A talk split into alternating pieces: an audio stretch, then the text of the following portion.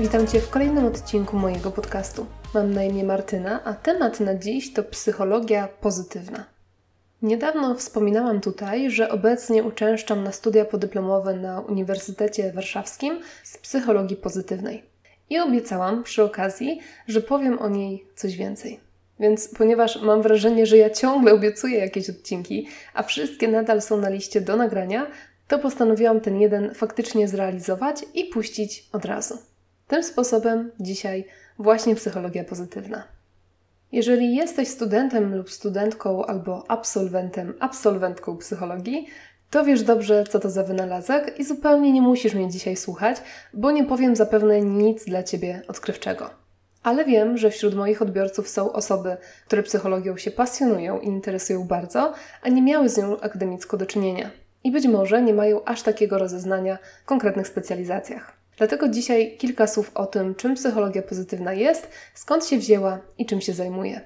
Tak więc tym razem będzie mniej rozwojowo, a bardziej wiedzowo, co myślę, że też jest ważne i wartościowe. Żeby nie tylko rozwijać swoje umiejętności i pracować nad charakterem, ale też żeby poszerzać swoje horyzonty i zdobywać nowe informacje. No dobra, to lecimy. Psychologia pozytywna jest bardzo młodą odnogą nauki, świeżynką wręcz, bo i sama psychologia jako nauka jest postrzegana za dość nową. W takim rozumieniu, w jakim myślimy o psychologii dzisiaj, narodziła się ona dopiero w drugiej połowie XIX wieku, czyli jak na naukę bardzo niedawno. Co ważne, od samego początku skupiała się ona na osobach zaburzonych i z deficytami, a psychologowie postrzegani byli jako osoby wyciągające z chorób ku poziomowi zero, czyli ku brakowi deficytów i zaburzeń. Dopiero w roku 1998, czyli nieco ponad 20 lat temu, Martin Seligman, uważany za ojca psychologii pozytywnej, w przemówieniu do amerykańskiego Towarzystwa Psychologicznego powiedział, że czas przystąpić do reorientacji psychologii z ludzkich słabości na ludzką siłę. Czyli przejść od wyciągania ludzi z deficytów ku brakowi deficytów do wyciągania ludzi z tej pozycji zero w górę, do momentu realizacji własnego potencjału i powiększania szczęścia i dobrostanu. Seligman i psychologowie, którzy podłapali tą myśl, jak From, Lubomirski czy Csikszentmihalyi, zaczęli więc intensywnie opracowywać metodologię, badać i opisywać wyniki tych badań, a także szerzyć nową wiedzę w społeczeństwie. I tu warto dodać, że do Polski psychologia pozytywna dotarła jeszcze później, czego dowodem może być to, że kiedy ja studiowałam na UJ na Uniwersytecie Jagiellońskim psychologię stosowaną i było to w latach 2007-2013, psychologii pozytywnej jeszcze w ogóle nie mieliśmy w planie zajęć. I pojawiła się w nim dopiero dla rocznika startującego bodajże w 2009 roku. No ale to taka dygresja.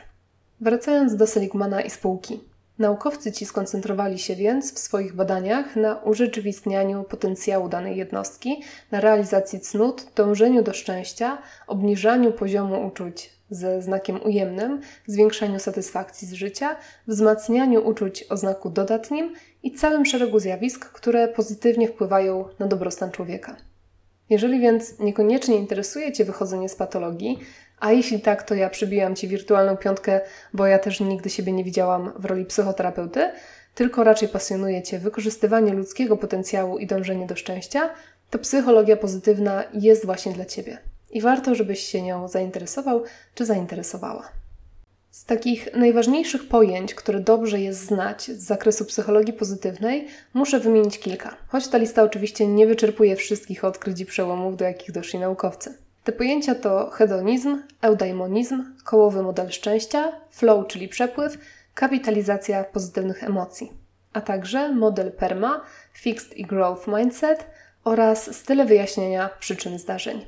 O większości skrótowo opowiem Ci dzisiaj, ale tym trzem ostatnim zagadnieniom pozwól, że poświęcę osobne kolejne odcinki. Tak więc wiedzowo będzie jeszcze przez chwilę. Hedonizm i eudaimonizm to dwa nurty psychologii pozytywnej, które może się nie wykluczają i w założeniu dążą do tego samego, ale zupełnie innymi, niezwiązanymi ze sobą drogami. Hedonizm to szukanie odpowiedzi na pytanie, co czyni nasze życie i doświadczenia przyjemnymi oraz jak zwiększyć ich ilość oraz obniżyć ilość tych nieprzyjemnych. Czyli łopatologicznie w tym podejściu chodzi o to, żeby było miło. I na pewno te pozytywne przeżycia i przyjemności są jedną ze składowych dobrostanu. Jednak część twórców uważała, że to jest za mało. I w ten sposób powstał drugi nurt, taki trochę pełniejszy, czyli eudaimonizm. Oparty na filozofii Arystotelesa, który mówił, że prawdziwe szczęście znajdziemy w wyrażaniu cnoty, w robieniu tego, co jest warte robienia, eudaimonizm zakłada, że szczęście to nie tylko osiąganie przyjemności, ale szczęście to coś, co pojawia się, kiedy aktywności życiowe jednostki są w pełni spójne z jej najgłębszymi wartościami i wówczas, kiedy człowiek się w swoje działanie w pełni angażuje. Nie wiem jak tobie, ale mi to brzmi niemalże identycznie jak opis japońskiego ikigai, o którym niedawno tu opowiadałam. Co tylko podkreśla moim zdaniem, że jest to podejście bardzo uniwersalne, pojawiające się w różnych kulturach. Wracając, to właśnie podejściem eudaimonistycznym zajął się Seligman i jego współpracownicy. I bazując na tej podstawie teoretycznej, odkryli kilka ciekawych rzeczy. Sonia Lubomirski i Kenon Sheldon stworzyli kołowy model szczęścia. Po wielu badaniach wyszło im, że za nasze szczęście w 50% odpowiadają nasze geny.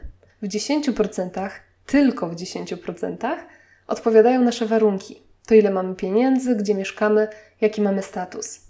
Ten wynik dobrze tłumaczy, dlaczego czasem najbiedniejsi mieszkańcy naszej planety, żyjący w skrajnej biedzie, w zapomnianych zakątkach świata, są dużo szczęśliwsi niż ludzie zachodu żyjący w wielkich miastach i opływający luksusem. I wreszcie, aż za 40% naszego szczęścia odpowiada nasza intencjonalna aktywność, czyli to, co i jak robimy. I ten wynik powinien nas napawać przeogromnym optymizmem, bo to oznacza, że mamy naprawdę wielki wpływ na to, czy jesteśmy szczęśliwi i jest to w pełni zależne od nas, a nie od czynników zewnętrznych. Co zatem można robić z tymi 40%? Lubomirski i współpracownicy zasugerowali szereg metod i podzielili je na trzy części. Po pierwsze, możemy rozwijać nasze cnoty, czyli pracować nad swoim charakterem na przykład poprzez wyrażanie wdzięczności, wybaczanie innym, ćwiczenie życzliwości, zacieśnianie więzi międzyludzkich czy rozwój duchowości, niekoniecznie religijności. Po drugie, możemy pracować nad korzystnym bilansem afektywnym, czyli dbać o to, żebyśmy mieli więcej emocji pozytywnych, czyli tych ze znakiem dodatnim, niż negatywnych o znaku ujemnym. Metodami tej części są ćwiczenie zaradności, zwalczanie tendencji do zamartwiania się, rozwijanie optymizmu i czerpanie radości z życia. I wreszcie część trzecia. Możemy dążyć do samorealizacji i tutaj metodami są realizowanie celów z zaangażowaniem oraz wykonywanie zadań i czynności, w których można się zatracić. No i tu przechodzimy łagodnie do kolejnego pojęcia, a mianowicie do opisanego przez Csikszent Mihailija, uwielbiam to nazwisko, opisanego przez niego flow, czyli inaczej przepływu. O tym już tu kiedyś wspominałam. Jest to stan pomiędzy satysfakcją a euforią, wywołany całkowitym oddaniem się jakiejś czynności. Charakteryzuje się brakiem samoświadomości, utratą poczucia czasu i całkowitą wolnością od strachu i lęku. Co ważne, w pojęciu flow znaczenie mają dwa wskaźniki. Po pierwsze, poziom wyzwania, jakim jest dane zadanie, i po drugie, poziom naszych umiejętności potrzebnych do jego wykonania. Na swoją stronę temat na dziś.pl do opisu tego odcinka wrzuciłam schemat, który pokazuje tę zależność. Niemniej i tutaj spróbuję te najważniejsze elementy opowiedzieć. Otóż, jeżeli zadanie ma niski poziom wyzwania, czyli jest łatwe, a my mamy niski poziom umiejętności, to według Cixen Michalia wpadamy w apatię. I to jest taki najgorszy wyjściowy punkt, w którym jak u Kononowicza nie ma niczego. Jeżeli rosną nasze umiejętności i potrafimy już coś wykonać, a zadanie nadal jest łatwe i nie stanowi dla nas wyzwania, pojawia się nuda. A kiedy nasz poziom umiejętności jest bardzo wysoki, a zadanie jest dla nas śmiesznie łatwe, może pojawić się odprężenie. Relaksujemy się robiąc coś, bo wówczas robimy to już całkiem na automacie. Ale nie przynosi nam to jakichś wielkich korzyści i wielkiej radości. Z drugiej strony załóżmy, że nasz poziom umiejętności jest cały czas niski, a rośnie trudność zadania. Najpierw wyjdziemy z tej wspomnianej apatii, następnie pojawi się niepokój, a wreszcie lęk, jeżeli nie będziemy potrafili wykonać zadania, a będzie ono bardzo trudne. Co najważniejsze, flow pojawia się całkiem na drugim końcu wykresu, na styku wysokiego poziomu umiejętności i wysokiego poziomu wyzwania. To znaczy, flow pojawia się wtedy, kiedy bardzo dobrze potrafimy coś robić, a dostaniemy dość trudne zadanie, oczywiście takie, któremu możemy sprostać. To wtedy pojawi się przepływ. Dla mnie osobiście świetnym przykładem tego diagramu jest moja działalność fotograficzna i jej części. Retusz totalna nuda. Nie uważam, żebym miała jakiś mega poziom umiejętności, nadal, mimo lat pracy, a samo zadanie nie jest trudne. I faktycznie ta nuda się pojawia. Z drugiej strony uważam, że naprawdę świetnie pracuję z ludźmi i zarządzam sesjami. Więc tu poziom umiejętności mam wysoki, a każda sesja przez zmienne warunki i konieczność dopasowywania się do nich i radzenia sobie z nieprzewidzianymi sytuacjami sprawia, że i poziom wyzwania jest wysoki. W efekcie zdecydowanie wykonując sesję wpadam w flow. Jaki więc wniosek dla Ciebie płynie z tej całej mojej opowieści?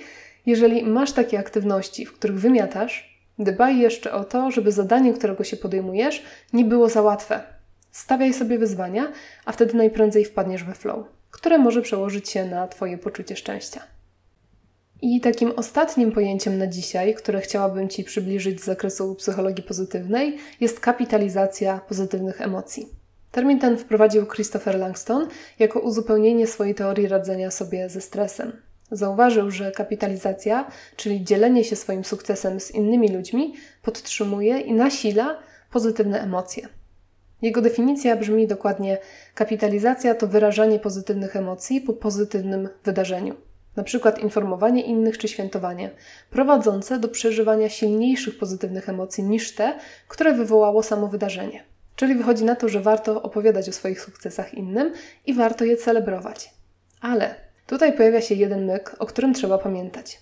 Opisują go w swojej pracy zatytułowanej Mnożenie radości Łukasz Kaczmarek i Dariusz Drążkowski z Uniwersytetu Adama Mickiewicza. Okazuje się, że bardzo ważne jest to, z kim tym naszym sukcesem się dzielimy.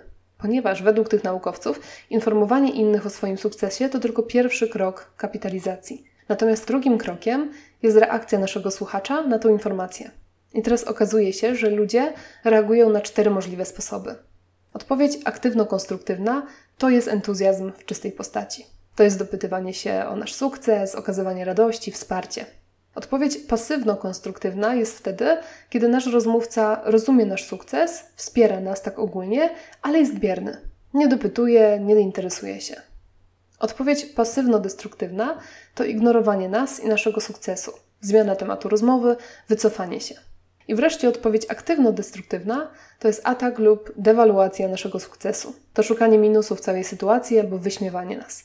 Jak nie trudno zgadnąć, tylko ta pierwsza odpowiedź, ta aktywno-konstruktywna, faktycznie zbustuje nasze pozytywne emocje i utrwali w nas poczucie sukcesu, co później zapewne przełoży się na nasze ogólne szczęście. Tak więc podsumowując, dziel się swoimi radościami i sukcesami z innymi, ale tylko tymi, którzy wiesz, że zareagują pozytywnie i będą się cieszyć razem z Tobą. I tak jak mówiłam wcześniej, tutaj warto jeszcze poznać pojęcia modelu PERMA, mindsetu i optymistycznego stylu wyjaśniania zdarzeń. Ale tymi trzema pojęciami zajmę się w kolejnych odcinkach, bo mam wrażenie, że już i tak Cię zarzuciłam dzisiaj wiedzą i to może być za dużo naraz.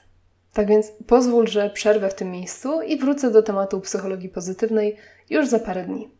A tymczasem dziękuję Ci serdecznie za dzisiaj. Mam nadzieję, że udało mi się zaciekawić Cię psychologią pozytywną.